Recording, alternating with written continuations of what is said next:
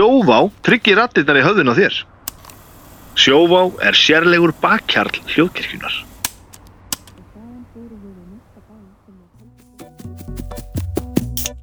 Sítrón frá öllu góskerð býður upp á þennan þátt.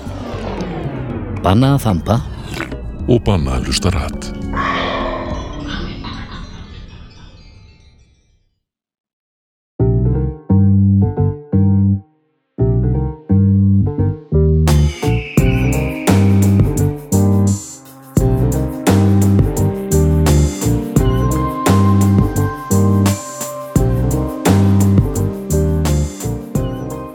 Komið sæl og verið velkomin í bestu plötuna.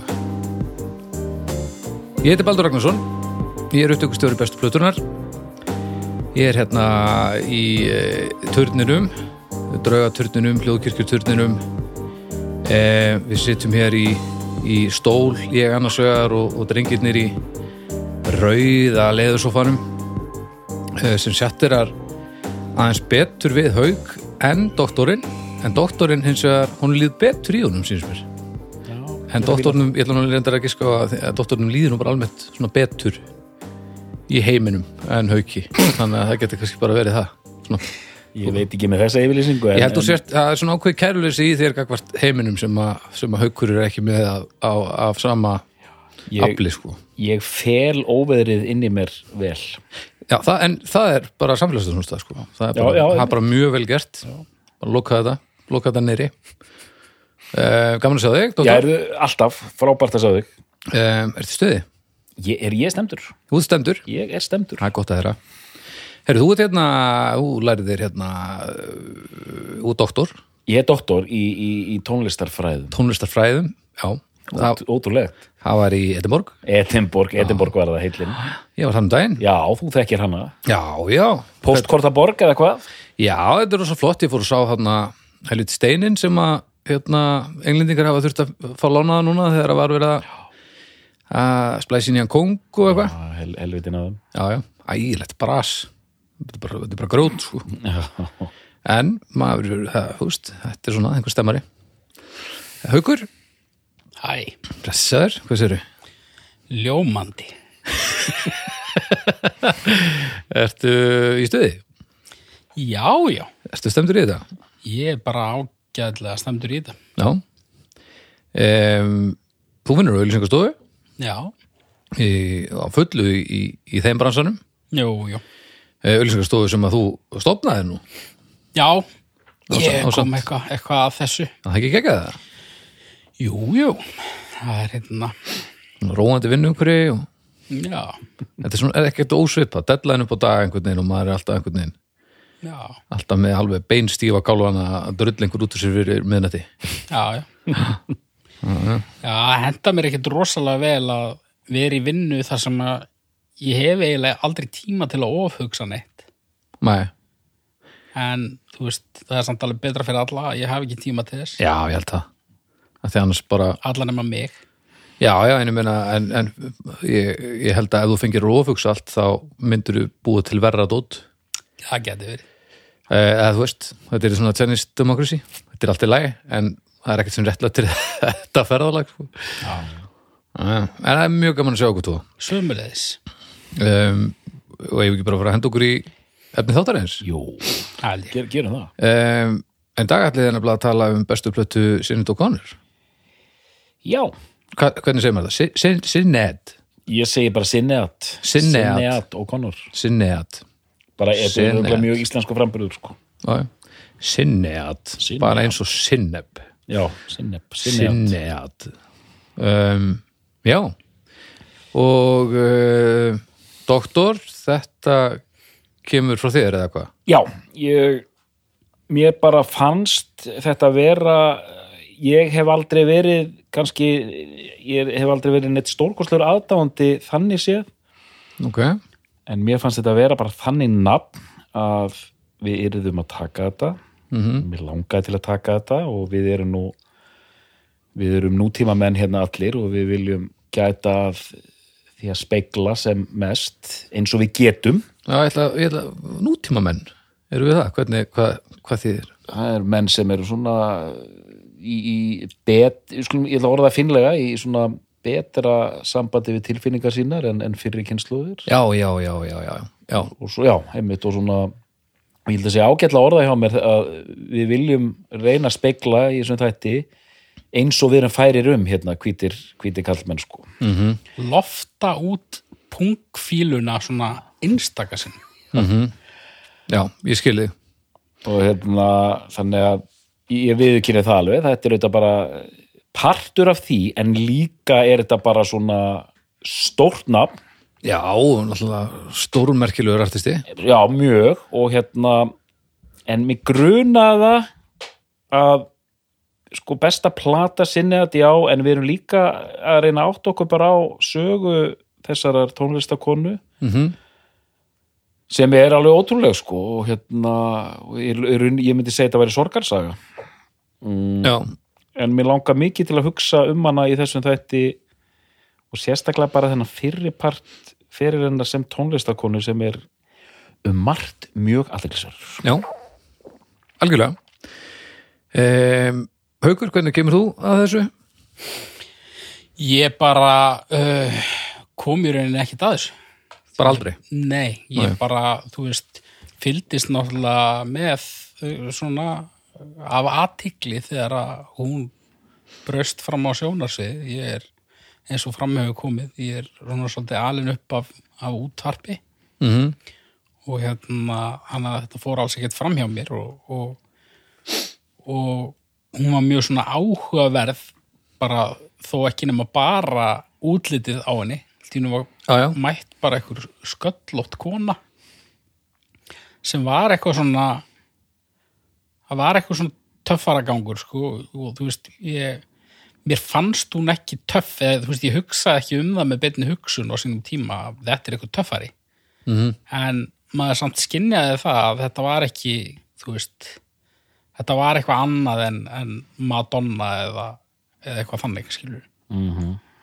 en í rauninni þekkti ég hennar feril bara lítið sem ekki neitt sko. hún er náttúrulega að þú veist, myndi hún ekki flokkast undir uh, einsmellungs listamann svona utan uh, kannski heimalandsins ég átt, áttam ekki á því Ég, ef við tölum um hérna Dúta Liverpool þá er þetta algerlega einsmellungur Mhm. já. fyrir þá sem svona kannski fylgjast aðeins betur með þá er þetta tveir, tvö lög og hugsanlega þrjú en Já. sko hún var tíður gestur meiris á Íslandi bara í bara fólki í fréttum bara langt fram eftir öll og er í rauninni ennþá. Maður er ekkert að lesa um hérna Hathaway eitthvað í fjölmiðlum í dag. Því miður. Í miður.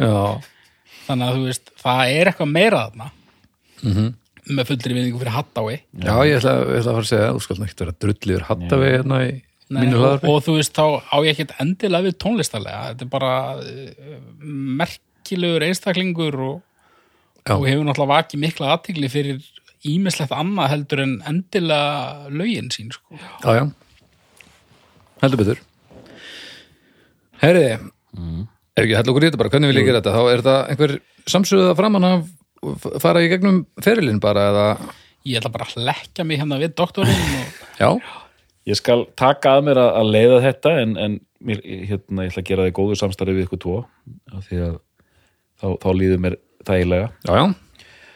Og sko já og það, hérna það komið aldrei óvart ég múna, já, liggja bara talsvert í þessu efni og, og ég meina að þetta ekki beint illa en, en svona tónlistalega er þetta, þetta var meira svona þetta var rýrara í róðinu en ég átti vona á sko já, og þá er ég að meina hvað ferillin er stuttur upp á að gera einhverja markverða músík sko. ok, það verður nú bara viðurkennast sko. ég þekki þetta voða lítið ég þekki, ég, svona, ég veit í rauninni ekki Nei. hún er alltaf vera lengi að. Já, já, já, hún er enn að, hún er enn að, að koma fram, er ekki? en að já, en þetta er mjög flekkótt í rauninni frá 2000 bara hvað síðustu kvartöld er þetta búið að vera ansi köflótt og þú veist, mjög ósannfærandi en við, það sem við ætlum að tala um er þetta bara nýjunda áratugurinn ok, og svona fram í þann tíunda þetta eru kannski tíu ár þar sem eitthvað er að frétta sko. ok. En við skulum byrja bara aðeins að standsetja hana. Hún er írsk uh, fætt í Dublin. Jú, jú, 66 uh, og svona tónlistarlega séð kemur hún inn í punkið. Mhm. En við þurfum bara að nefna það hérna bara í fyrra kom út heimildamyndum hana sem ég mæli með. Uh, hún er nýbúin að út líka tiltölulega ný, nýlega svona æfisögu já, og uppeldi á henni var hræðilegt af því að mamminar var geðveik. Ok og hún pindi sinni að alveg sko linnulöst með einhverju störlun sko leta hann að leggjast allsber á gólfið og, og hérna var að lemja hana og kalla hana láta hana endur taka hún væri einskisvirð og eitthvað svona bara einhverju svona líkamlega og andlega pyntingar mm. lokuð inn í einhverjum hólum hérna út í garði og, og svo framvegis þannig að þetta var alveg algjörlega hræðilegt mm. en sinni að þetta átti fjögur sískinni og svo gerist í svona abuse fjölskyldum ofta fólk fær mismunandi uppeldi sko Já. hún fær einhvern skít þarna sko aðrir sleppa betur. Ok, og síðan skilja mammanar og pappi og hún flytur til pappa síns 79 ok. En ég minna þið getið ímyndað ykkur gjörsanlega brotin og það hefur auðvitað bara einkent sko hún er fætt 66 þetta er ekkit, þetta er ekkit orðin gömul kona þetta er bara en þú veist þetta er algjörlega búið að brjóta hún fer auðvitað bara brotin út í allt sko. Já. 13 ára af- af pyntingum. Já, já, þannig að þú veist og, og, og, og, hérna af, af hérna hæfilegri vangetu vil ég bara nefna írst þjóðfélag og þessi írski andi og kathó, kathólika dæmið og undir hælnum á englendingum og allt þetta. Það spilar hérna líka inn í hún er sett á eitthvað svona nunnu upptöku heimili og þar tekur tekur ekki betra við en þar nær hún samt svona að, að þróa sig músiklega. Og uh, og ef við bara skipum yfir í það að hún byrjar svona að, að punkast eitthvað hann í Dublin. Mhm. og þykir bara hérna rosalega flott söngkona og, og hérna og rosa svona svona skapi henni og töggur og, og, og töffara heitt og svona markvert er að það er, það er hljónst sem heitir Intua Nua. Intúa núa Intua Nua, já. Intua Nua. Ok, það voru svona, svona efnileg sveit þarna í, í, í Írlandi í rockinu. Gaf út smá skifi gegnum hérna Mother Records þegar U2 liða. Ok. Og hún kemur hérna 15 ára gömul og er eitthvað að syngja með þeim. Já, í Intua Nua var meðal annars fiðluleikari sem heitir Steve Wickham. Hann hefur spilað með hljómsveitinni Waterboys meðal annars. Ok. Með svona eina mínum uppáhalssveitum og uh, er hún í þessu bandi eða? Já, ja, svona, hún var bara svona rétt í byrjun og söngina á einhverja smáskjöfu með þeim og hætti fljótt, sko. já, ok, Myndur jafnvel segja að hún eigi ferilsinn að einhverju leiti bónu að þakka? Hérna, hver á það ekki já, hver á það ekki? Jú, ég meina, það er ekki takt að, hérna, jú, túliðar eru svona, svona, svona mafjósa bragur á þeim, sko. Ég er að bauna á doktorinn, sko, ég er með innan, innherja upplýsingar. Já. býttu nú við Spurður hann ekki að þessu? Jú, ég, hérna, ég tók viðtal við sinnet, ha, 2011, já, hvar eh, fyrir morgunblæðið. já uh, Potað í björnin með priki Af með hverju? þessari spurningu. af hverju varst að taka viðtal, hvað var hún að gera bara svo Sem sagt, 2011, ef ég mann rétt, þá var hún að koma á Erfifs. já, já, já, Ég já, held ég held hún hafa aldrei tónleika í fríkirkjunni. ok og þegar ég hérna eh, náður að lesa þetta viðtal Uh, já, ég lasa. og hvað var, hvað sagði það? hún var, ég held að hún hafi verið fullkomlega bólufreðin í þessu viðtali sko. Já, var þetta yfir síma, síma viðtal yfir- ok, og hún var mjög hérna þurr á mannin ok, og hérna ég skrifaði, þegar, ég gerði þetta stundu því ég lendi í svona viðtölum, þá skrifaði ég þau beint. Sagt, til að fá, gefa fólki fílingin í viðtalinu. Hún svaraði bara já og nei nánast sko, út allt viðtali og ég var henni mjög pyrraður Mhm. og hefna, en á einu þá, þetta var held ég blaðamanns mistök og spyr ég svo asni já, hefna, og, og U2 þeir hjálpuðu þér og það ekki, þeir hjálpuðu þér U2 og það ekki? Þá svona snýr hún upp á sig sko. Ok, af því það var ekki þannig. Hún hérna, þá var hún flutt til London og var bara að gera sitt þar. Ok. Og hérna, það er svolítið svona það er svona ástarhattur í garði U2 þannig í Írlandi. Já, heldur betur. Já, og hérna nema þetta Thin Lizzy, það elska allir Thin Lizzy í, hérna, í Írlandi er, hérna, og þá hún sne- sneri upp á sig við talinu sko. en svara, bara svara hann þessu. Já, hún sagði bara svona, þeir hjálpuðu mér ekki neitt. Já, já, já, hérna, en hún er aðeins að íkja þeir hjálpum mikið neitt þú ert hálfviti. Hún Mér það hérna, góð spurning hjá þér sko. já sko ég man ekki, ég var þetta ekki að reyna stríðinni og hérna já, en þetta var ég, ég hefði átt að vita betur, eða ég vissi bara ekki betur og hérna en hún til dæmis söng uh, inn á svona soundtrack sem Edge gerði, hérna gítalegari Mm. þannig að það var, eh, veist, það er eins og þú sleppir ekkert almennilega undan þeim sko, en hérna alltjæmt uh, Into Anua, það ævendir hættir. Hún er komin til London og er komin í er í tíum við einhverja, einhverja umbóðsmenn og svona. Hún er til í stuðið, orku mikil er með hæfileikana. Er hún farin að, að þreifa sig áfram í sóló já, að koma fram? Já, er að djamma með einhverju bandi í London og bara, ég sá svona myndskeið frá því sko og bara hún var, hún var svona samfærandi búin að ra ra raka sig sko og það er bara það er, menn eru bara sérst, hún er bara að byrja að sjoppa sig í hérna í samstarfi við fólk og aðalgaurin sem gerir það var sérst, fyrrum yfirmaður Mother Record sem var útgáð fyrirtækja U2 Já, þannig að þetta eru tengingar þó að þeir hafa ekki komið beint að þessu. Og og hún svona þeir, það, það er bara þeir ná að sagt komin á samning hjá fyrirtæki sem heitir Ensign sem var eitt af þessum stóru, ég held að það hafi verið Warner Brothers Subsidiary eða eitthvað svona og fyrsta platan hennar The Lion and the Cobra kemur út árið 1987 og ég man eftir þessu ég uppleiði raun tíma að á þessum árum var voru að koma út plötum með svona sterkum konum, sko, Tracy Chapman Tanita Tikaram hefði munið eftir því nafni já, já. Susan Vega og svona konur með svona eitthvað svona söngvaskáldadæmi -hmm. og svona pólitíska texta oft og bara svona svona girl power feelingur sko. -hmm. og ég man bara, ég, ég setti ég man bara því, ég sá umslægið man- manni fannst þetta bara svolítið cool. Þetta er geggjað umslag. Já.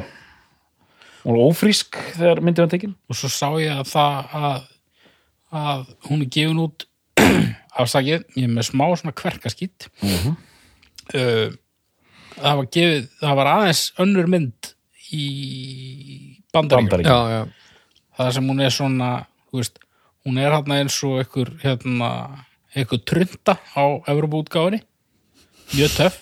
Já. á bandarísk útgáfinni þá er hún svona hrein og prúð. Já, einmitt. en þú veist, úr sama já, fótosessjóni já, það er er svona og hvað, einhver pæling á baku það eða bara, mér skildist að það hefði bara verið að, að hitt þótti líklegt til að vera svona kannski svolítið fráhrindandi. Svona, já, svona snillíkar ógnandi tilbyrð já, já, já, já, já. hún, hún, hún, er hún, hún er svona eins og þæg gyðja utan á Amerikuplötunni Já, það, það er alveg, alveg fínt cover sko, en, en, en hitt er miklu meira töff. Já, hitt er svona edgy og hún er að öskra sko, og svona kraftur í henni. Og sko The Lion and the Cobra maður er bara svona, wow hvað, hvað Svo er hvað eins og ánamaðkur bara á US útgáðari hérna og þessi plata mm, þannig að ég, ég man bara svo ég gef eitthvað skona ramma ég man að ég hugsaði dálit um hana í, í samhengi við sem sagt, þetta sem ég nefndi sko. þetta er svona hérna er komin söngkona og hún er bara töff og hérna Hlustaður á plötuna þegar hún kom út? Nei, ég hérna ég man bara svona hvað það segja veist, þetta var eitthvað svona, manni fannst þetta vera svona, eitthvað svona fullorðins og svona alvöru, já. Svona, þetta var ekki eitthvað, eitthvað blöðru dæmi, það var töff, svona eitthvað smá punk í þessu. Og það var eitt lag sem var spilað ansi mikið, heitir hérna Mandinka. Var, að, var að spila mikið hér líka? Það var spilað dálítið hérna sko. Okay. og svona ekta bara svona hérna algjört svona allt rock, late 80s college, svona, svona framhaldsskóla rock anda R.E.M. eða eitthvað svoleiði sko.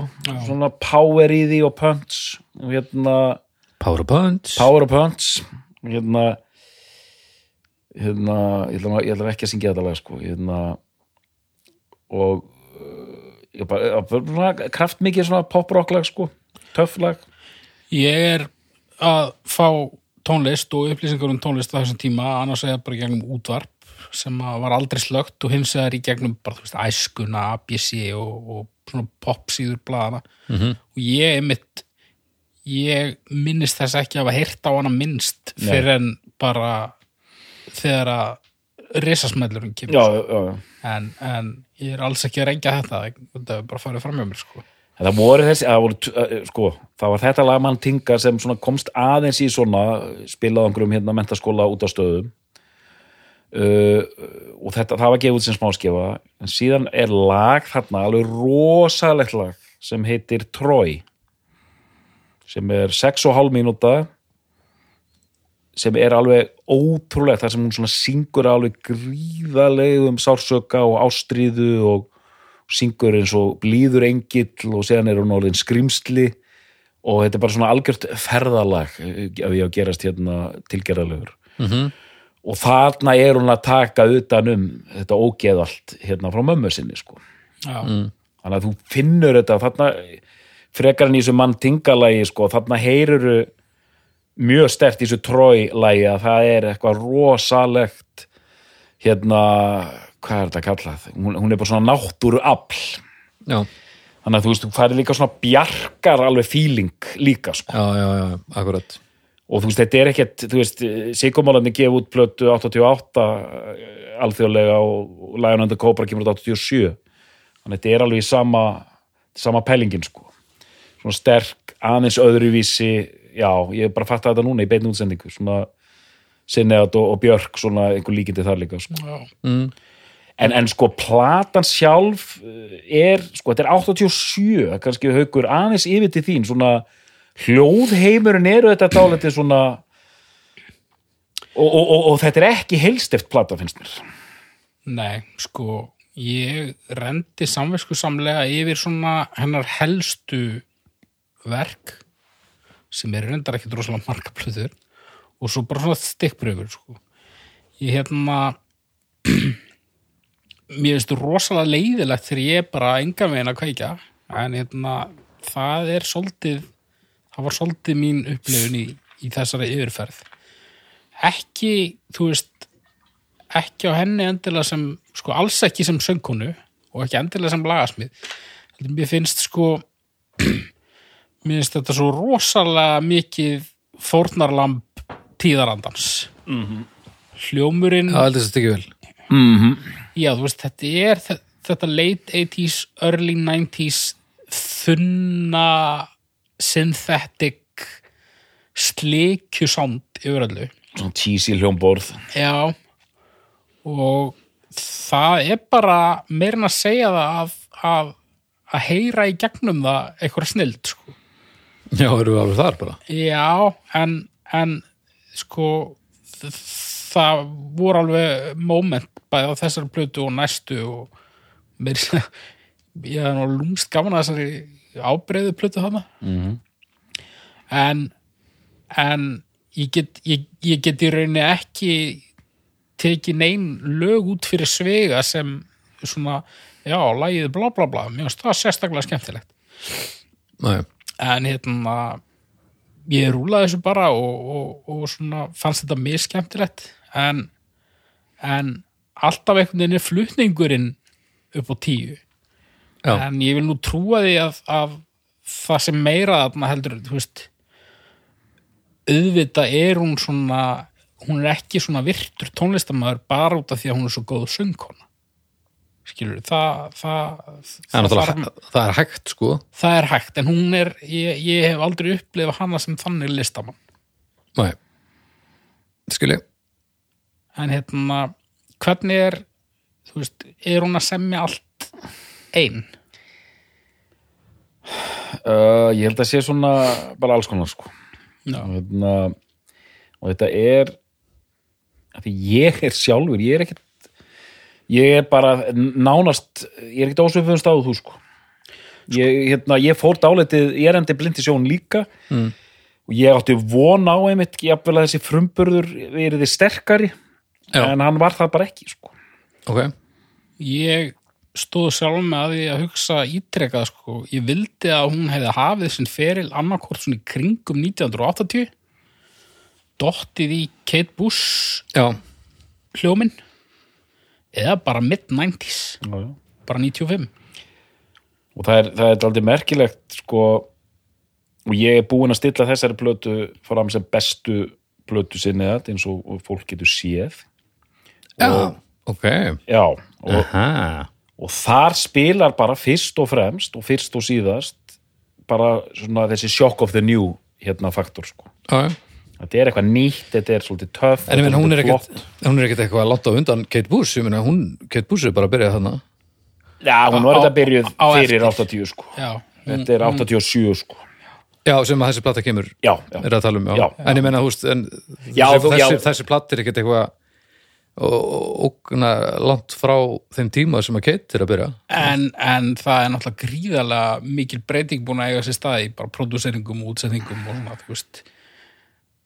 Þetta er eiginlega versti tímin að sko hvað minn smekk varðar í poptónlist mm. það er alveg undir restin á 80-sinu og early 90s mér finnst það dót yfirleitt eldast verst. Hvenær kemur, hérna, byrju, ég ætla að fletta upp hérna. Kate Bush, og hennar fyrstu plötu byrja að koma út alveg sko 78 78 Kick Inside, já, ég meina það er áratugunast Já, já, akkurat. Nei, hérna sko, Já, þetta er- þetta er ófilegt já, þetta er svona en ég meina samt ekki, þú veist, þetta fólk fílar það, skilur þetta, þetta Já, nei, já, nákvæmlega. óhefilegt fyrir mig Já, já, já, akkurat. En það sem ég heyri líka í þessari plötu hérna er það eru lögarnar sem er alveg flott Úst, Trói og Mandinga og einhver lög en hún er bara mjög það eru ballöður þarna, það eru rockarar mér finnst hún vera rosa mikið bara svona blandi póka of mikið. Um, líka annað um, já og, og, þú veist, en hún hún bjargaði því sem bjarga varð hún þurfti að berjast til dæmi sem konur þurfa hann ofta að gera það átti að breyta þessu bara í enníu sko. Það átti að strá einhverju keltakrytti þarna af miklum krafti. Gamla kjartakrytti gamla keltakrytti, það bara að breyta þessi klannat sem, já, það er kannski verið ágættum en hérna, hvað er keltakrydd? keltakryttið Nei, við tökum bara krydd, þú veist, svona alvöru krydd. Já, hvað er keltneskasta kryddið? Ó, það er eitthvað svona hverju hefur hendinn það er eitthvað svona uh, svona jurta krydd blanda sem er samt ógeðslega basic er, er þú að tala um krydd? Já, um ég er bara að tala um- tala um kryddhilluna Ég held að þetta sé svona pottagaldra svona, svona en má aldrei fara í svoleiði svona flösku, þetta þarf að vera svona krukku. Er þetta svona bara eins og Íslendinga bara, já, við hefum fyllt einhverjum kryddjurtum og svo er þetta bara alltaf eitthvað skítamosi og bara, Nei, þetta, er gott. nei, þetta og er samt engum eitthvað- þetta gott. þetta er samt eitthvað svona svo tvent sem þú blandar saman en þetta er samt ógeðslega basic held ég. en, og alls ekki svona mertri að þetta verið svona krukku svo þetta er bara svona essence eitthvað. Ég held það sko, Þú, þú veist ekki að tala um hljómræna kryddið nei, nei, nei, nei. nei, nei, nei sem hefði verið já, bara eitthvað svona klannat hérna. Ísland seasonal já, eða aromat Nei, aromat er allt og, og, og það er alltaf mikil, mikil tilþrif í aromati. Seasonal er svona, eh, svona, svona fullkomin lausn á allan mat. Er ekkert bræða bananiðinum af, af seasonal. já, Þú getur seasonal all. Það er það sem þú gerum með því. en hvað hérna þið sem tónlistamenn hvað hva hef, e- ef það hefur skrúað upp í eða hefur skrúað upp í, í klannat írska þjólaða dæminu, hvað hefur komið inn í þessar fyrstu plötu? uh, ég hugsa að hún hefði höfðað meira til mín sko. ég, sveimir þá ég er ekki, ég hef aldrei heyrt þessar plötu held ég Nei. en svona, eh, svona þessi þjóla írsku element náttúrulega þá bara verið að meira akústík mm. skilur og svona ég veit ekki hversu er einhver þjólaða bræður á lagasmiðunum eða? Nei, al- alls ekki sko ég held að hún hafi stoppað algjörlega sko. sem ég heyri sko. Nei. en klannat var þetta eins og þessum tíma var klannat komið út í svona, svona New Age kjærladæmi já, byrjum svona feitir svona þú veist skilur, svona Friðrik Karlsson svona, einhverju svona, svona synþar sko. við verðum að taka klanat ég hef ekki heyrt eitt lag með klanat ég veit mér langar bara að sitja hérna í tvo klukkutíma um og heyra Klanat? hann rausa um klanat það var ekki ekki Þa, og, og færi létt með það sko. þáttu 200 já, klannat, stóri klannat þátturinn Hérna, og þá fór þetta nú aðeins að vera að fara neyra á við. Eftir klannat æfintýrið hérna, nei, nei, það er gott að hafa eitthvað að hlaka til já, hérna og svo áður kannski ef við kveðum þessa plötu það er eitt sem maður heyrir Hverjana, valdur þið ekki þessa? eða? jú, ég valdi þessa sko ég bara, Þú voru nú að segja á hvað er hana já, það er kannski ég- já, það þarf ekki að vera neitt frábært við bestu plöðuna sko. Nei, nei, ekki ef hinnar eru allan mannaskýtur njá, þær eru það ekki sko. Nei, þá þurfum við, þú veist, af hverju velur þessa við, þú veist, annað en, en svona já, förstum pressum ég endur tek það sem hérna gerir þessa plötu góða er svona þetta hérna uh, hérna við þurfum að finna eitthvað íslenskt yfir þetta shock of the news sko. hérna, já, bara nýja brumið, þetta er ferskt þetta er spennandi, þetta Já. er kröftugt, þetta er kornung, ég held hún að verið tvítug þegar platan kom út, nei 21 Uh, hún er 21, hún er fætt 66 uh, þú veist, hún er, hún er ung uh, og það er bara einhver svona náttúrukraftur í þessu. Já, og bara fólk heillast af þessu bara, þetta er bara svona, hún tekur eftir henni hún tekur pláss og svona sjarmenandi og það eru lög þarna sem ég finnst mjög merkilegt. Þetta er 87 og þú veist, Alanis platan hérna, Jack the Little Pill, kemur út 95 og það eru alveg lög á þessari blötu sem myndu mig á Alanis sko. Já, Já, ég held að skilja hvað átti já. þannig að þannig er hún alveg langt á undan sínum samtíma hvað það var því að þegar, þegar Alanis kemur og þá er líka stemning fyrir svona þannig að þú veist þetta er Alanis svolítið tekur upp er bara bindur þetta í einhvern grugg allt rock búning sko. En, hefna, en hún í rauninni á þessari fyrstu plötu slær hún alveg í gegn. Já, það er bara global. Já, bara global sko. þetta er er bara, bara fylgist með þessari. Þetta er og er bara bókuð allstaðar og í alla þætti og, og allt bara fram og tilbaka sko. og er með stóran leipel mm. þannig að það er allt bara keirt upp í 150 sko. og þetta er já að fyrir á Amerikumarkaðin líka já, og bara næra sneika sér inn þar Kræsalis já, Chrysalis, Chrysalis, já. Chrysalis. Mm -hmm. og svo Ensign já, einmitt að Eh, Ensign, fyrir ekki þið þannig að þetta er eh, ansi brött og lofandi byrjun hjá þessari ungu stúlku Já, og bara framtíðinni björt Mhm. og hérna já, Já, nú finnst mér ég þurfa að ve, svona, nú er ég að fara að eyða restin af þættinum í að svona einhvern veginn hérna, sníkja eitthvað goodwill tilbaka frá Sinead O'Connor aðdáðum sem er að hlusta. Mm. fannst ég vera svolítið svona ekkert eitthvað harður, bara svolítið áhugalaus sko, en, en ég er það ekki. Og ég þarf að velja bestu plötu og, og ég vel þessa líka. Þrátt fyrir ah, þrátt fyrir að hafa verið moðvolgur sko. Ok. En, en ég er sammála honum Arnari. Það, þetta er meira svona þetta er meira svona framreiðslu mál. Mm. frekar en að efnið sé slagt og það er það ekki. Já, það er bara, það er bara svo sjaldan sem maður einhvern veginn er ekki að líta fram hjá því. Er þetta Já. svona mikið þetta? Ég átta mig ekki á því eða bara hvort að ég uh, var að gera eitthvað vittlust sko. hvort að ég var að eiga vona að þetta væri einhvern veginn öðruvísi eða eitthvað Þa, það var eitthvað rof sko. ok kannski líka bara út af því að út af því að hún er svo mikil góðsögn mm. að kannski bara átti ég vona á því að þetta væri allt saman bara, bara óskoruð snild Mm. en hérna svo líka eh, manni finnst náttúrulega snild, sum snild leiðilega líka, það má alveg já, já. og, og mér, mér finnst alveg lög á þessari plötu og hennar ferli leiðinleg en, en, en þetta er það er ekki beint vandamálið sko. Það me, meira svona kannski að að góðu lögin eru svona já, þetta er svona að, þetta er fínt en, en þetta kveikir ekki alveg í mér sko. Mm. Þetta, er ekki einhver hundavesla þessi plata sko, alls ekki. Nei.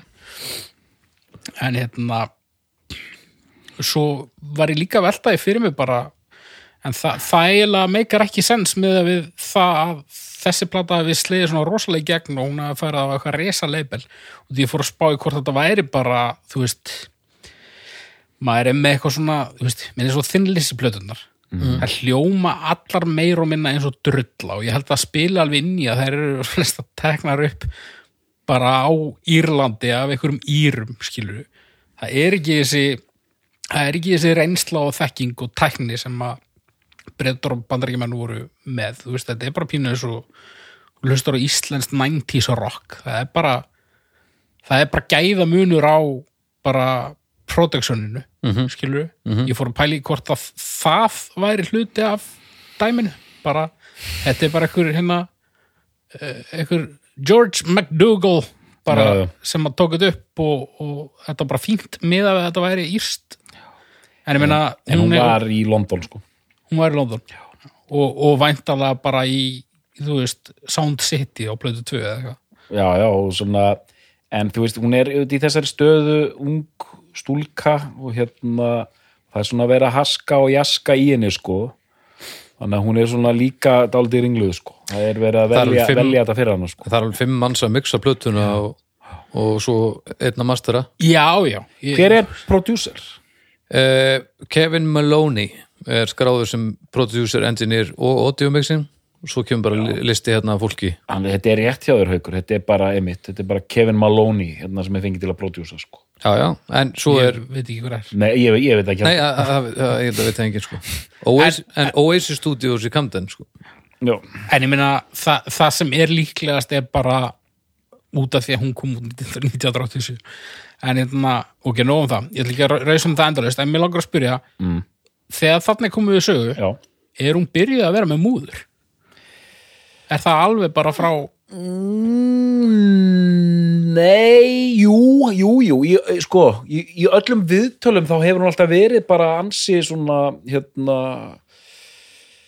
bara segir hluti reynd út og gaggrinir Írland, talar um hérna, mis, hérna ofbeldi gegn börnum og allir þessu er bara vókal, sko, já, og hérna, en þú veist, þetta er ekki alveg farið í hágýr ennþá, sko, nei, og hérna og þú veist, ef skulum við- ef við færum okkur, færum okkur bara aðeins framar af því að það er mitt, það fer að hitni kolónum hérna að við komum inn í tíund áratugin en næstu þrjú ár þá er hún bara byggjast upp sem svona popstjarna og bara allir í stuði.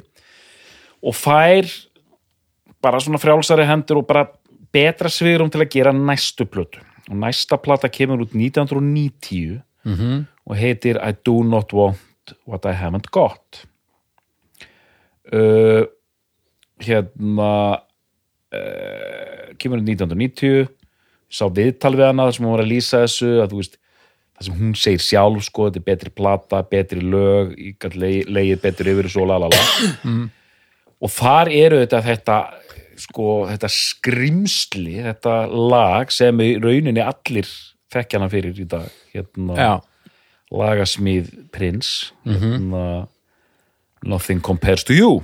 Já, bara eitthvað uppsóp frá prins. Já, bara svona hliðar prins hérna, hann, alveg. var- hann samdi svolítið. Hann, sa- já, hann, hann, hann var aðeins að detuast í því sko, Hann, hann, hefur- hann hendir í lög. Í lög. Og ég, ég, ég, ég legg til tölum að þessum þetta lag? Ok, Hva, hvað finnst ykkur? uh, mér finnst þetta lag eiginlega alveg geðvegt sko. Já, þetta er og þetta er svona lag sem að maður tengið við myndband já, já, já. Alveg sé har svolítið myndbandi kirkjugarðs hann að er nú ekki að það velast um í kirkjugarði eða?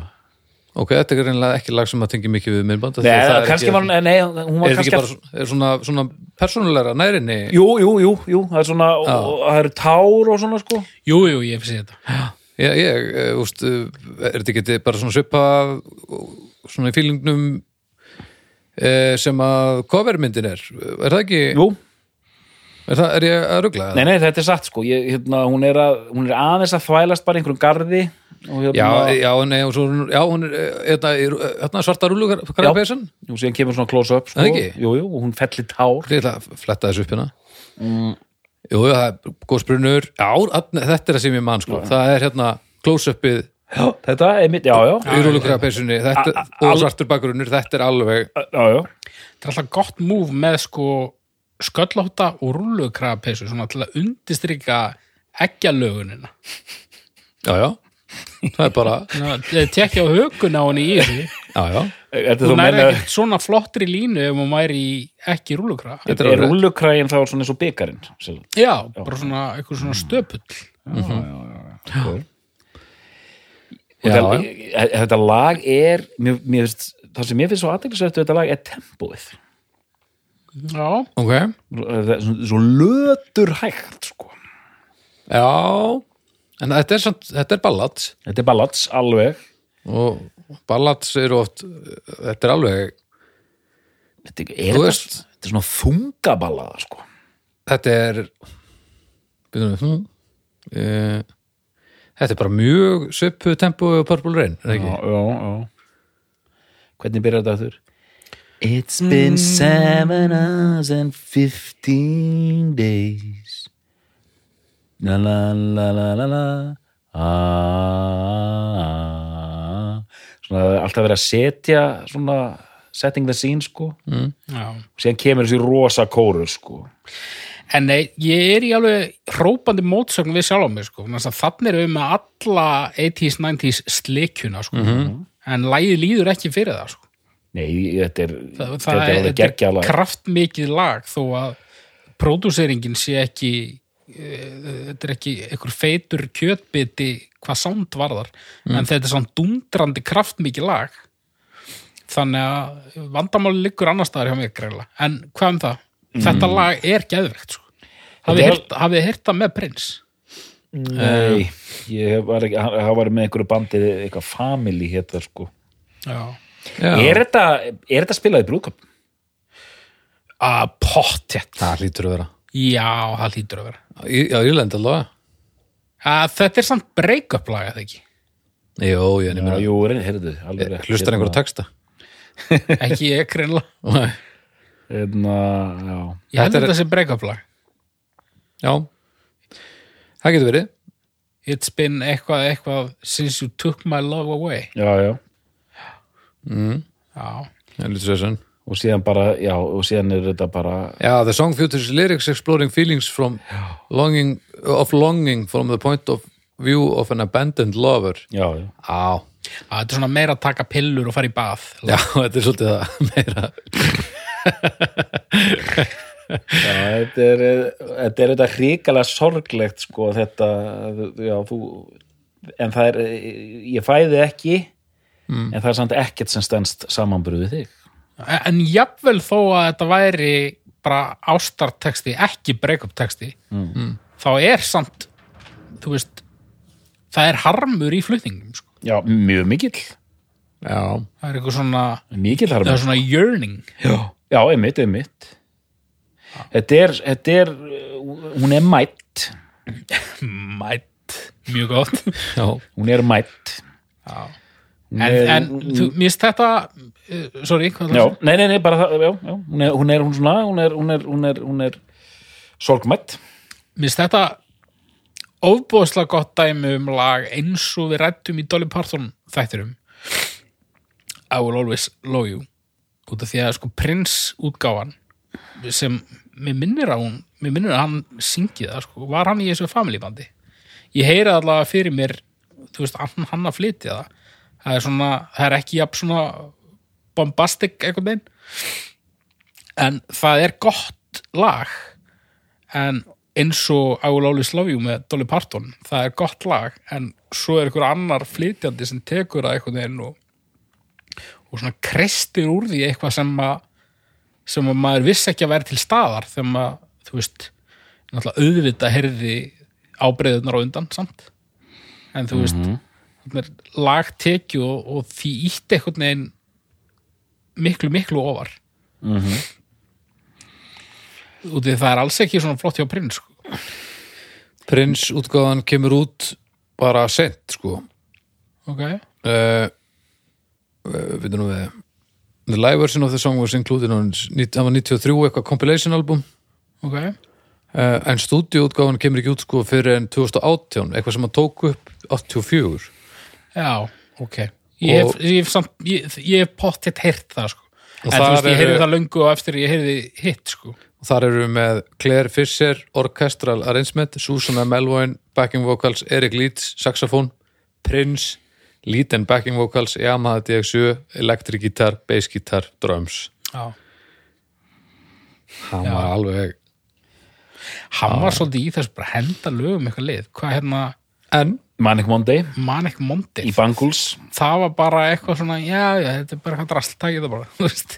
ég held það en hérna sko um, að því að, einmitt, hún tekur þetta lag með prins og, og gefur, gefur því þetta rosalega líf og hún svona líka, sko, hún var að gesta syngja með hinum og þessum, gestasöng með Peter Gabriel, gestasöng með Vö Vö og svo frammi, svo ef hún kemur nálægt einhverju þannig, þá er það þá tekur fólk alltaf eftir því, sko.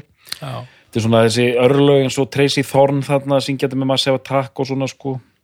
Já, einhverjum svona sterkar sírenur koma og, og svona merkil Björk gerði þetta þess aldrei sko, að syngja með einhverjum gaurum sko. Með hvað hérna sko nú man ég bara eftir einhverju svona setni tíma sögu þar sem hún er að tala um mjög vafasum uh, samskipti við prins. Mm -hmm. uh, en, en þú veist, hve- hve- hvernig var þetta á sínum tíma, þú veist, var þetta var hann alveg bara með henni liði með þetta? Nei, það var alveg-? Já, sko, það var bara grilla samband milli þeirra, ekki beint vinalegt í steik. Hvernig þá, þekktustu þið eitthvað? Já, hún heimsótt hann einhvern tíman í, í hans óðal og hérna, og hann var eitthvað að lemja hana, sagði hún sko. Réðst eitthvað á hana með einhvern, einhvern kotta. Já, þetta er eitthvað svona alveg fyrirleitt og í fyrra kemur út mynd sem heitir Nothing Compares heimildamyndum Sinead O'Connor og auðvitað þunga miðjan í myndinni heimildamyndinni er þegar við erum að tala um þetta lag mm. en þú heyrir ekki lagið af því að. Prins bannaði eða hans estate mm Ó, bannaði nótkun á laginu það var mikil skungur. en þetta var mjög vel leist í myndinni samt sko. það var svolítið flott hvernig þau leistu þetta Djöfull hefði samt verið skrítið ef að þessir tveir einstaklingar prins eins og hann er og hún hefði hist bara það hefði verið mjög kúlti verað. Já. bara já, hvað segir því langar að hljóður þetta lægja mitt. Já, þú gjör svo vel hérna, ég var að hella þetta upp á te. Já, já, viltu það eiginlega hefði aldrei gerst. Þannig að sko auðvitað var hann að fara að lemja hana með einhverjum kotta já, já, En sko nú veit ég ekki alveg nákvæmlega hvaða andlegu krankleika hún hefur verið að díla við sko. Og ég er nú ekki ég er nú ekki mikið í því að efast um upplifanir annara en, en, en þetta, er þetta alveg staðfest að þetta gerðist? Já, með hana. Út, út af því að hún var að tala um þetta bara í fyrsta skiptum um daginn sko. og auðvitað, þú veist kannski niðurlegandi og vill ekki tala um þetta kannski. Já, svona hún bæði, hún sagði eitthvað þú veist, hann var algjör astni og þau hefðu ekki náðu vel saman síðan segir hún eitthvað að hann var bara alveg ágættur þannig að hún svona, hún svona fer stundum fram og tilbaka sko Já, mér myndi það náttúrulega, ég hafi einhver tíman einhver stað að lesið hana ber honum ágætlega Já. söguna sko.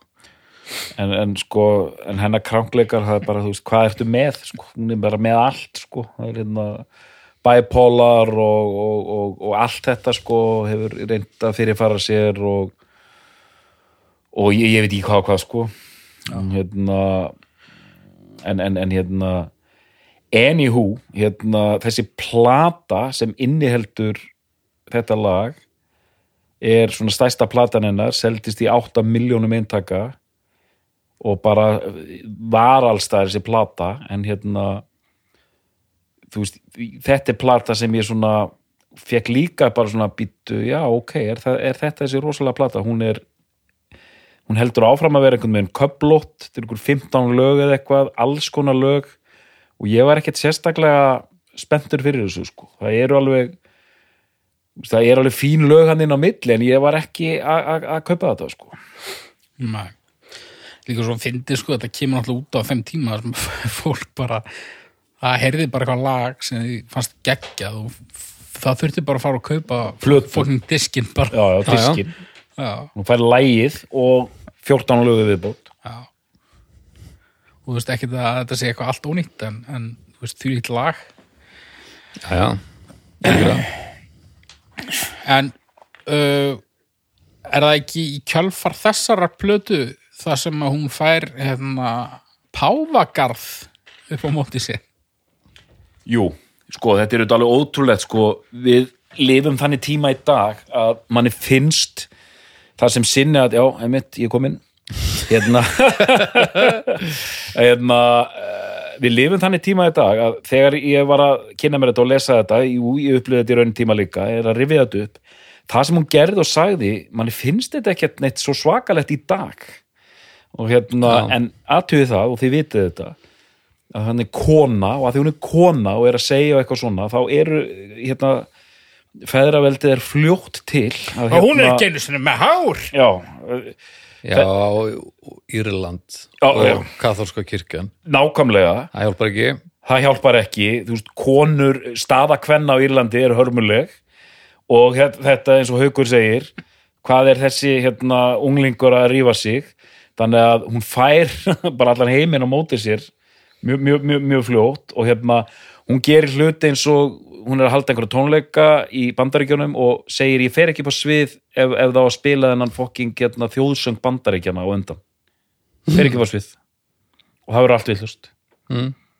Frank Sinatra komin í málið alveg brjálaður og eitthvað svona. Síðan hérna gerist þetta, þetta er 92 að hún er í hérna svona einhverjum talkshow. Saturday Night Live. Saturday Night Live syngur sagt, útgáfu af, þetta er ekki Bob Marley lag, hérna War eitthvað sko. Jú, Já, hún, hún átti að, hún ætla að taka annað lag, Ég, eitthvað það, er, það er setna, það er hann Bob Dylan tónleikandir Já, ok. byrjum á þessu, að því að Bob Dylan tónleikandir komið sen, setna sko. Já, allavega, hún syngur þetta War lag já. vor eins og tvöfald af AR, þetta er ekki Já, vor ekki- ekki, ekki vor, ekki svona eins og Hérna- Vaglaskóks Er stemmari ekki Tilton félagar? Það er ekki vor. Hmm. Er ekki Alex Tilton í... Er ég alveg...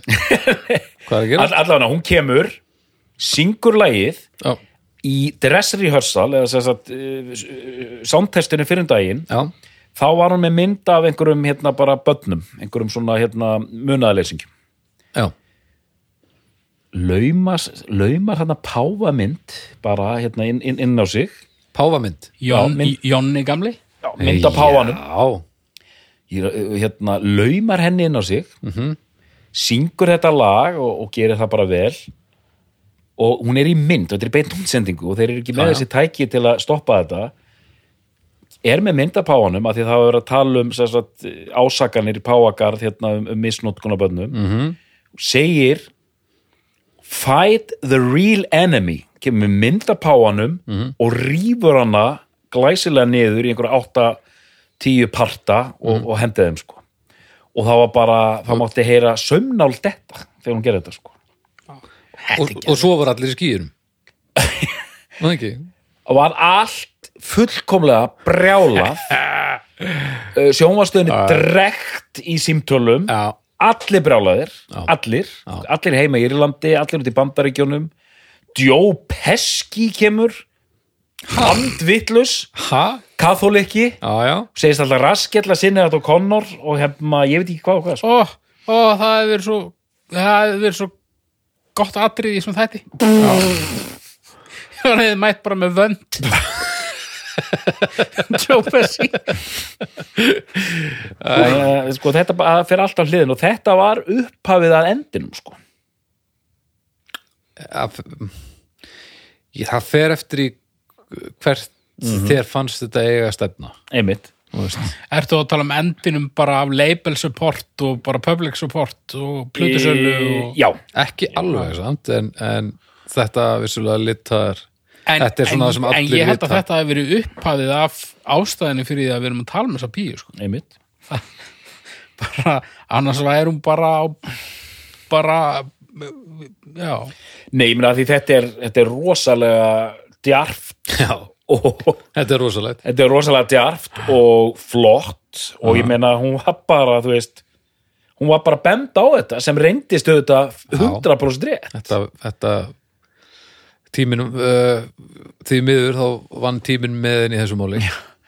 Og hún talaði og þetta var allt, þú veist ef þú segir sannleikan, þá ertu þetta stórhættulegur sko. já, og hún talaði um hvernig þetta var gert í Írlandi hérna þessar hérna Madeline Sisters hérna þvottahúsin það var hérna bíómynd um þetta mm. þar sem hérna stelpur voru bara teknar af heimilum sínum eða voru óþekkar og það var nóg að það rendu hýru auga til stráksins sem býr á mótið þeim, það voru bara komnar í eitthvað svona Madeline þvottahús þar sem þeim var bara rústað sko mm. prestarnir hérna hjakkast á þeim og allt þetta sko mm. þannig að Írland, þetta er alveg hún, hún segir einhverju lagi bara hún sagði, Írland er bara svo svona lítið bann, bara, þú veist, við erum bara vittlaus, við erum of góð, við erum of hérna, næf mm. og það er bara búið að nýðast á Írlandi bara alltaf, sko. Hún er, hún er oft með flottar línur, sko. Já, já þú veist þetta, mér, mér mikið pólitík, sko. Og þetta er með allans ástæða fyrir því að ég tók bara vel í að, að gera hana þátt sko bara á sama tíma eru menn að vera bannaðir eitthvað eða- við rústuðum hljóðfærunum og sögðum fokk sem að einhvern veginn er ekki neitt sko. Já. en, en ég las sem sagt að út af því að Saturday Night Live er þannig held ég sko, ég held að sketsarnir séu alltaf leiknir tvisvar út af því að hann er síndur klukkutíma setna þú veist, núna? Sem sagt að hann er síndur á uh, austurströndinni. Já, og svo er hann síndur klukkutíma setna á vesturströndinni. Og þá eru sketsarnir endurteknir. Svo þetta sé live allstaðar Já, ég held að tónlistaratriðin séu tekin upp og síðan spiluð aftur á vesturströndinni. hvernig fóru það? Uh, þetta var spilað aftur, bara svona, já. er það? En, en aldrei verið sem sagt engin reruns eftir það, sko. En, en þetta fekk að fara óklift í vestur útsendinguna. ok, Uh, las ég á Wikipedia. jú, jú, það er okkar helsti uh, helsti brunnur visku já. svo ég tali fyrir sjálf á mig allavega í þessum þáttum En þú veist, eh, eins og þú segir, Írland, það er, jú, jú, það er fullt af kathól, kathólikum á, í bandaríkjunum, en, en þetta er ekki alveg sami hlutur eins og hún, Nei. ef hún hefði gert þetta bara í, í hérna, ír, írska BBC eða eitthvað. Nei. en þarna sko, hún, þetta, er, þetta er bara eins og púsiræðjótt sko. Þú veist, þetta er rosalega svona effektíft Já, hann er bara að vera já, hjóla í heimafólk algerlega og, og, og næri þessu að því hún þurfti þetta að lauma inn gerir þetta alveg glerhörð á svipin þegar hún gerir þetta og hefna og þetta hefur þessi áhrif. Nokkrum vikum síðar þetta er mjög merkilegt þá syngur hún á einhverju svona 30 ára ferilsamali Bob Dylan. Já, þar sem fólk er komið saman held ég í Madison Square Garden og hérna þess er að syngja og hinn er að syngja og mætti hann eða? Mætti Joe Pesci? ég, sko, ég er ekki viss sko, en Með- með hérna, lurk. með lurk og hérna uh, kemur ekki hérna, hún kemur hana og sá sem kynir hana á svið er mikill meistari Chris Gamli Kristófersson mm. mættur með sitt sitt glæsilega skegg og, og, og bara ind, indislegur sko. og hann, hann er hennar maður og, og kynir hann svona hér er komin manneskja sem er óhrætt við að segja sannleikan og, og, og, og, og fokka hans í liðinu. Gjör svo vel, sinna þetta Connor hún kemur, mm. er svona, hún er svona stressuð á að sjá sko. Og maður heyri það bæði verið að klappa og baula sko. Mm.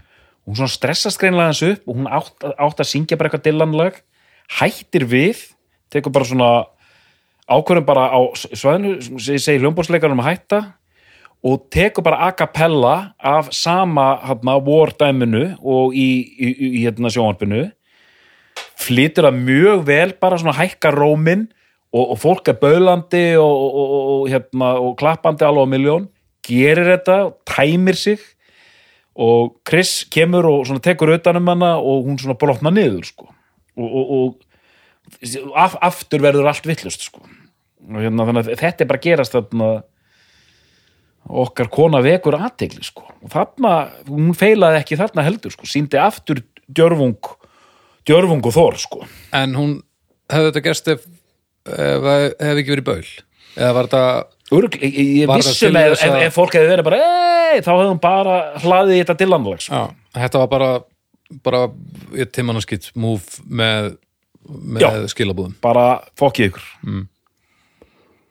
Já, Mér er svo gaman hvað Íslendingar, jú, jú, við erum alveg með okkar, hérna, við erum alveg með okkar skerfa fólki sem signir sig yfir svona, en, en það er svo rosalega lítill hópur, sko, já, að bara, ég held að bara eins og umfjöllun um hana í miðlum hérlendis, ég held að bara eiginlega öllum finnist hún keðtöf já. og, og ég held að, að páa dæmið hafi ekkert skemmt fyrir, sko. Ég held að fyrir Íra hafi þetta verið eins og ef við hefum verið að horfa sjónvarpið og hún hefði verið að uh, syngja og drulli við björgunusveitinnar eða eitthvað verið Jón þannig- Pál. Já, eða Jón Pál já, er alveg þannig sko. eða spöggstofuna, bara 90 okkar Þú veist, þetta, þetta er alveg þannig að verða bara allir hættir og ringlaðir og reðir sko. Já, þetta er alveg ótrúlega merkilegt um, samfélag hérna Írarnir sko. mm.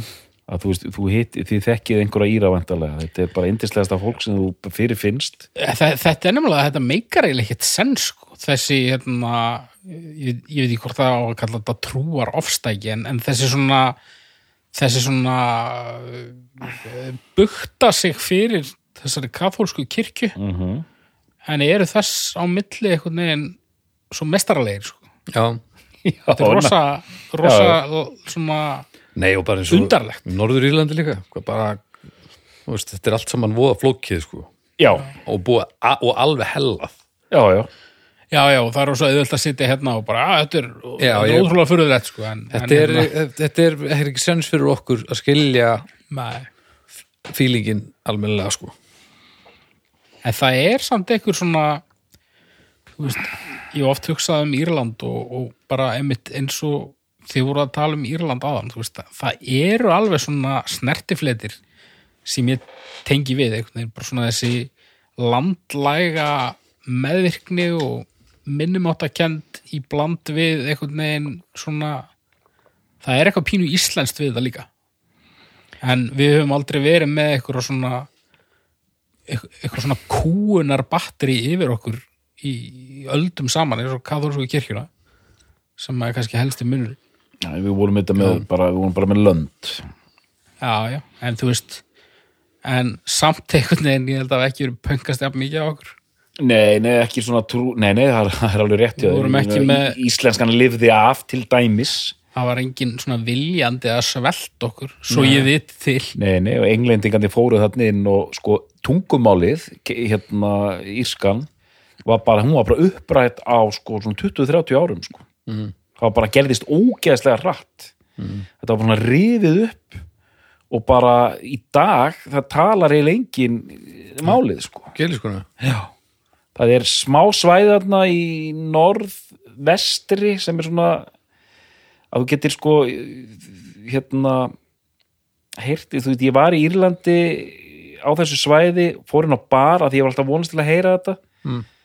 og þá loksins fann ég bara þrýrgaurar 60-70 -er, sátu svona á, á barhodninu og ég, ég svona hlustaði og þeir voru hérna allir hrnaðakrinn hvernig þið sko voru bara að tala írsku sko mm. það var ótrúlegt að heyra þetta sko mm. hérna, en þeir, þetta er svo lítið og, og, og hérna, það er bara rústað þessu og, og ég mitt veist, í, eins og þú ert að lýsa hírónum svona nettir já, já. sem fokking englendingarnir stýðir sko þetta er óþólandi sko. Bara svona venjulegur íri virkar á mig sem bara svona gaur sem vill bara, hann vill bara bara fá pínu bjór og er að láta henni í friði sko. Já, en sp- spjalla hans við þig, já, já, kurtis en það er, þetta er svona underdog mm element sko. Já, já. Hrein, ég hlugar, nýtt, já, na, na Ákvað, En þú veist, þetta mál náttúrulega- írum vel. Sko, ég er ekkert hissa á að þetta mál hafi hérna, dáið drottni sínum þannig að þetta er bara of erfitt. Já, Já, þetta er ægileg ægileg leikfumi sko. En hvað, hvað segir mér síðan eftir þetta? já, sko, er ekki ábreyðu jú. glens? Það er ábreið glens uh, sem ég skil ekki alveg hver, hver pælingin var með það. Þriðja platanar er svona jazz standards. Já, ég fannst það svolítið skemmtilegt sko. mm. og, og, og í rauninni sko, eina ástæðan fyrir ég nefni hann ekki sem bestu plötur er það bara mér finnst það ekki eiginlega tellast með sko. Nei, en ég þetta var svona í besta grúinu hann og bara, að, lítið þetta er skemmtilegt. En það er náttúrulega ekkert merkilegt. Nei, nei, þetta er bara það sem það er, kemur út 92 ok og hérna, hún hefur sjálf talað um að hún hefur fundið fyrir því hvernig svona support bara rann í burtu eftir, eftir að hún er bara hún og, uh, og og þú veist, þú, veist það er gott að þessu með hendin þessum punktum að, hérna, að hún er algjörlega til fyrirmyndar sko. Mhm. og hérna og hún baunaði hressilega á Madonnu sko, því að Madonna var að bauna á sinni sko Já, hún sagði já, já, Madonna svona þólir ekki þegar einhver svona tekur sviðsjóðs af henni sko, hérna Madonna gatt fokkað í trúni sko, en, en þegar sinni að fokka aðeins meiri í trúni sko, þá var Madonna allt í norðin religious sko, já, var hún eitthvað með eitthvað Derring, Derring? já, hún var með Nú. derring sko. já, bara ha, hvað fannst þenni að? ég held að, þú veist, bara þessi pæling þú veist, það er ekki pláss fyrir tvo skerfara í þessum bæ, sko Já, já. hérna uh, og bara ja, uh, standardaplatan 94 kemur út plata sem heitir Universal Mother og núna er músikin orðin voðalega bara venjuleg sko. það er lítið að frétta sko. Já, þetta, er, þetta er seinasta platan svona sem ég myndi eftir að hafi komið út og verið svona eitthvað í umræðinni já, einmitt, bara í rauntíma sem sagt já, já, en, en nú er ég eiginlega bara meða við bara umfjöllun hér á landi sko.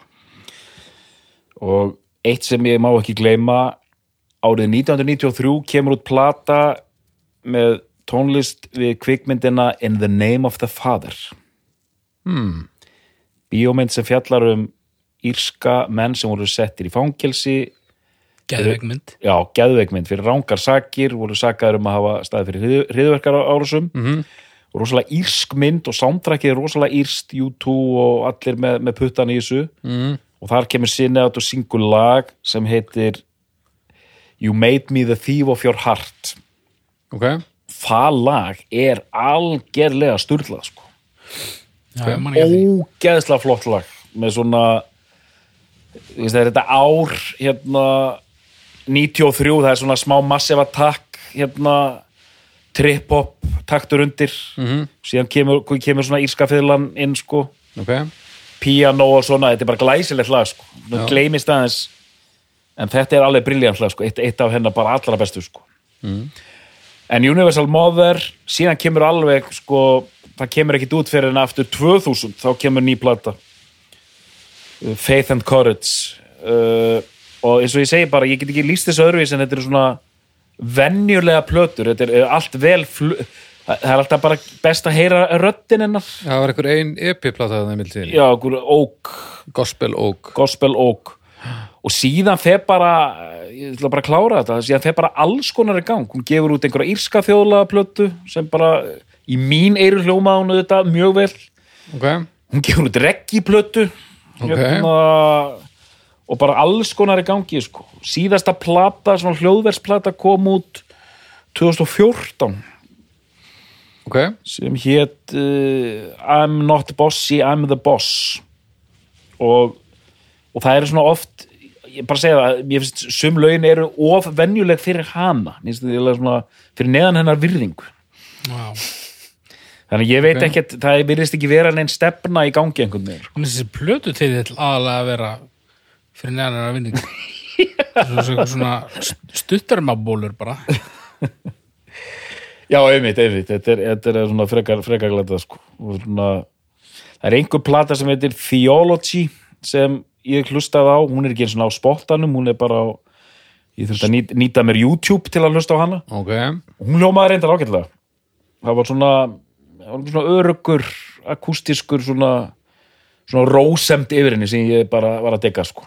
How about I be me and you be you kemur uh, 2012 já, það er svona síðan er plata tilbúin og hún er bara ekki komin út en þó sko. Já, ok, uh, rætt og síðan er hún búin að taka þú veist, það veit enginn hvað hann heitir lengur sko, hún er búin að taka endalösa trúarsnúninga líka sko, Já, Ok, hún er múslimi síðast fre, það síðast sem ég frétti var það sko. Ok og síðan er hún á fjögur börn með, með fjórum mönnum og það er alls konar svona í gangi sko. Já, við þurfum aðeins í restina að ræða svona myrku myrku hliðin á þessu sko. já, Ok, komum með það.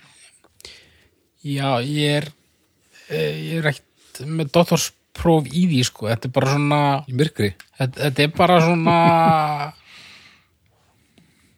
bara eins og hefur verið rætt í þessum þætti eins og bara með Britney og Amy Winehouse og eitthvað, þú veist. Fjölmiðlar hafa bara óbærslega mikinn áhuga á konum sem að eru að bara brenna út sko já, á geðsmunum. Já, en hennar hérna, glíma hefur staðið svo lengi yfir sko. og ég mann þegar að þú stakst upp á þessum þætti ég þurfti alveg að hugsa hvort hún væri lifandi sko. já, mm. örgulega kannski verið aðeins að ruggla mig út af því að hérna, landi hennar úr, úr Cranberries já. hérna, saði skilið við fyrir ekki lengur síðan. Mm en svona maður er pínu búin að vera svona hálfpartin að býða eftir þessu bara í 15 ár eða eitthvað. Já, já, einmitt. Hvað hérna, mér langaði að spyrja á þann ég vildi ekki, ég vildi ekki koma með það inn í plötu umræðina en þú veist, hvernig fór þetta með mömmennar þú veist, ve- var það eitthvað settlað? Nei, það var þetta, sko, ég las þetta í æfisögunum hennar, þetta var hræðilegt að lesa þetta. Hérna settlað hvernig nei, bara þú veist, hérna náðu þær að gera þetta einhvern veginn upp nei, nei, ég er að augun í það Já, hún, hún deyri bílslýsið hún, hvað, 20? Nei, 18 mamman. Já, nei, mamman er og Nothing Compares to You er eitthvað uppgjör í þá áttina.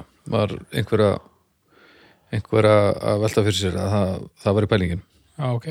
Já, einmitt, einmitt, einmitt. Hún er 85 sem hún deyr í bílsleysi sko, og hérna og það, þetta var ég skil ekki hvernig hún fór að því að hún svona var með eh, hún var svona það var svona þverstæða í henni gagvart mömmu sinni sko. Og það var ekki, hún var ekki beint að hata hana fyrir þetta en bara var bara ringluð sko. Og hérna að þetta var bara svona geðveiki.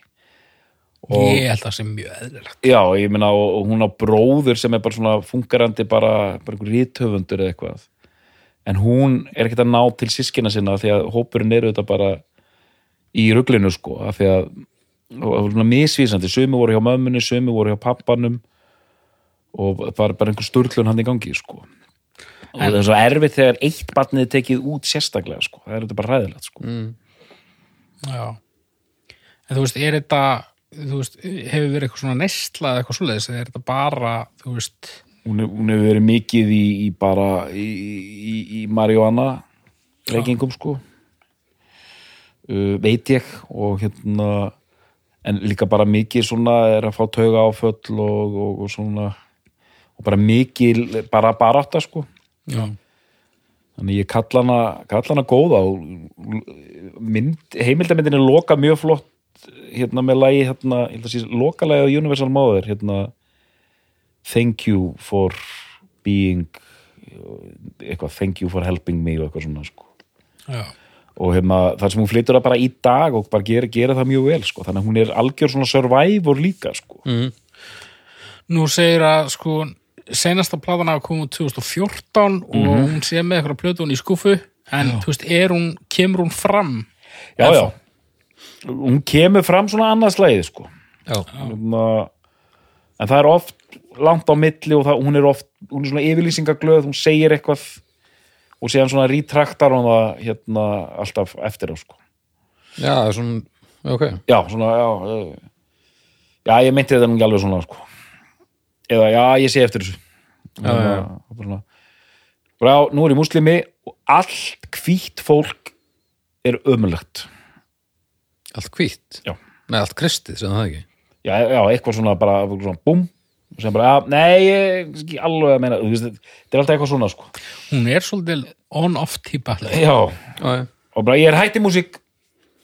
Hætt, djók. Já, djók. Nei, uh, uh, eitt úr. En er þetta uh, já, er, er hún ekki bara ég, ég, ég, ég ætti ekki að fara að minna manga veltur en, en ég sá einhver staðar að hún er einmitt greinst með bipolar, hvað er það á íslensku? geðkvarfa síki held já, ég. geðkvarasíki, Er það að það er geðkvarasíki sko. Uh, en svo hafi hún verið afgreind með það og, og, já, já og greind með eitthvað annað en það er allavega tennisolbúa já, eitthvað svo leys en ég meina, en já, það er ljóst að hún kemur hún er greinlega bæði með búnað sem er að einhverju til að gefa sig og svona alltaf bara hörmulegt við að næsti frá æsku. Já, já, hrikalegt og hérna, og, og uh, verður það fræga að æmjötu, eins og þú sagðir fjölmiðlar alveg dýrka gjössanlega ganga að fólki bara gjössanlega drepa fólk sem að á einhverjum erfileikum og er nógu frekt til þess að segja þetta svona bara þannig að þetta er eins og upprætt bara að það verður. Þetta er svo skrítið samt bara þú veist hennar þú veist karakter sem að er vantalega mikið mótaður af barnæsku og mögulega genum ef maður minnur var að glíma við geðsutúma líka er náttúrulega það sem að markar hana og í rauninni eðilegur hana. Mm. en þú veist en gerir hana líka gerir hana og mögulega bara heldur í henni í lífinu. Veist, það er svo sekt í þessu. Já, já, mm. bara ég, ég hefði ekki geta lifa svona lengi með eitthvað svona gaur sko. En haldið að, eh, að því mér finnst umræðan hérna heima alltaf að vera meira um að að hún sé magnaður listamaður fyrir hver en já það, það er virðing sko, þetta er ekki alveg pjúra hérna hvernig er hvernig haldið að umtalið um hann að sé á Írlandi núna?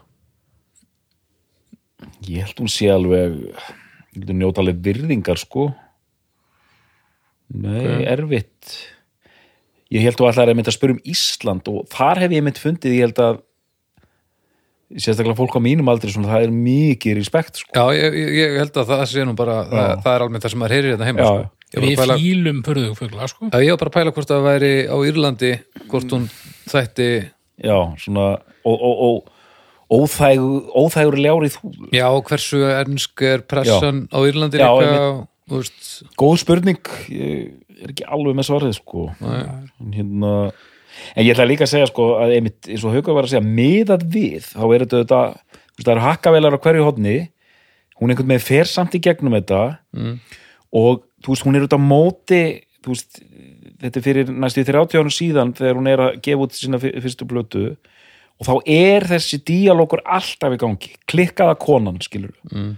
óþekka barnið og allt þetta og þú veist, ef, ef kona er, er, er með, með munni fyrir neðan nefið þá er hún auðvitað bara geðveik Mhm. þannig að þetta er alltaf svona sko, og meðan kallarnir eru bara cool, tökkur í þeim og, og flottir sko já, já. þannig að þetta er ótrúlegt að þurfa að hérna, og hvort það var Madonna, Sinneat eða, eða Britney að þurfa alltaf að vera í þessari fokking stöðu með þennan pakka á, á aukslánum sko. þetta er bara óþólandi sko. já, já, ég meina þú veist bara maður er mengar að þessu sjálfur þú veist, ég meina, ég man hvað manni fannst agalegt bara á guðminn góður hvað þetta er mikil hryllingur með hana Amy Winehouse. Sástu hvað Pete Doherty var að gera með Jesus, hann er alveg búin að því. Það er það er einhvern veginn það er, umræðan er bara öðruvísi mm. og Er það meira að Pete Doherty fæði meira svona bara, hann er nú meiri grallarinn? já, Já. en hann alltaf hann var ekki, hann var ekki á bíl eins og Winehouse en hann reyndar hefur náð sér á strik hann er bara svona svolítið búlduleitur og Næja, Já, já, þeir, þeir eru að taka gig núna, Libertines. aha, Libertines. Já. Og hann er, já, búlduleik, vel búlduleitur. aha, Og hérna, sem er flott hann er að bæta upp fyrir hann var mjög óbúlduleitur já, já. framan af. Já. Heyri, Mm. ég ætla að fara að kalla uppgjör. Haukur, já, gerðu upp. Uppgjör uh, þetta höfðar ekki til mín. Það er bara þannig. Mhm. en uh, ég er samt ég, ég efaðist aldrei um það að við ættum að fjalla um þessa konu út af því að hún er hún er cool og uh, sko alveg burt sér frá hérna hvers kyns hún er og allt svoleiðis sem er gott að blessa. Ég er hjartanlega sammála því að við getum ekki endalustur að tala um Júræja Hýp og, og Yes. Ég get ekki tala endalist um júru Ég er ekki til í það en bara, þú veist, alveg burt sér frá öllu þá er þetta bara þetta er bara helvits punkara dólgur sem að uh, þorði á meðan aðrir þauðu og, og hérna og var hótað flengingum af Joe Pesci. Sko, af hverju er ég svona mikið til í að fyrirgeða Joe Pesci? Þetta bara strax það er sást- hræðilegt að hóta ykkur konu ofbeldi.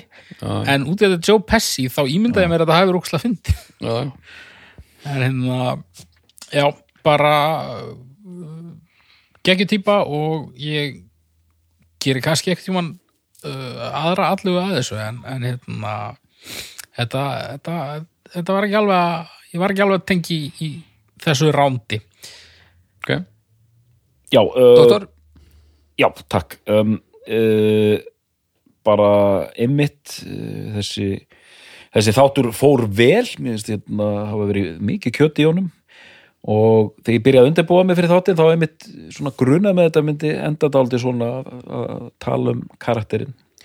Tónlistalega einmitt, ég var líka fyrir bara vombriðum að hérna þegar maður svona horfið tilbaka og fólk bara ákveður já, þessar tvær plötur með sinni, þetta er geggjastöf sem bara hlusta maður bara, nei, þetta er ekkert rosalega geggjastöf fyrsta platan best af því að það er bara allt að gerast, þetta er spennandi, kraftmikið flott og töff og bara, og bara svo, svo eftir er tekið.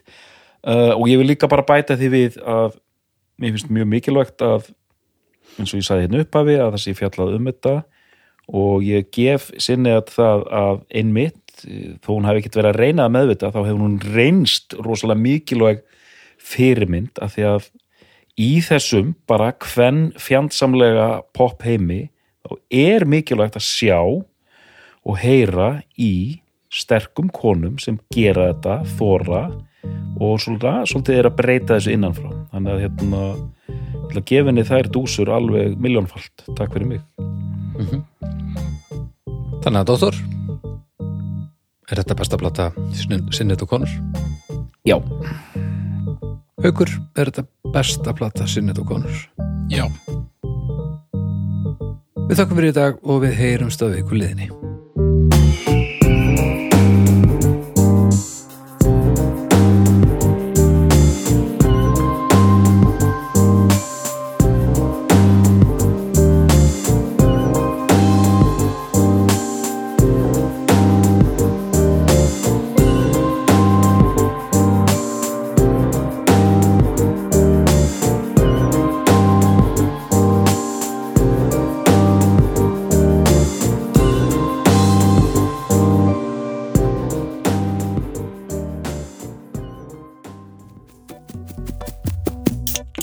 Sítrón frá öllu góskerð býður upp á þennan þátt.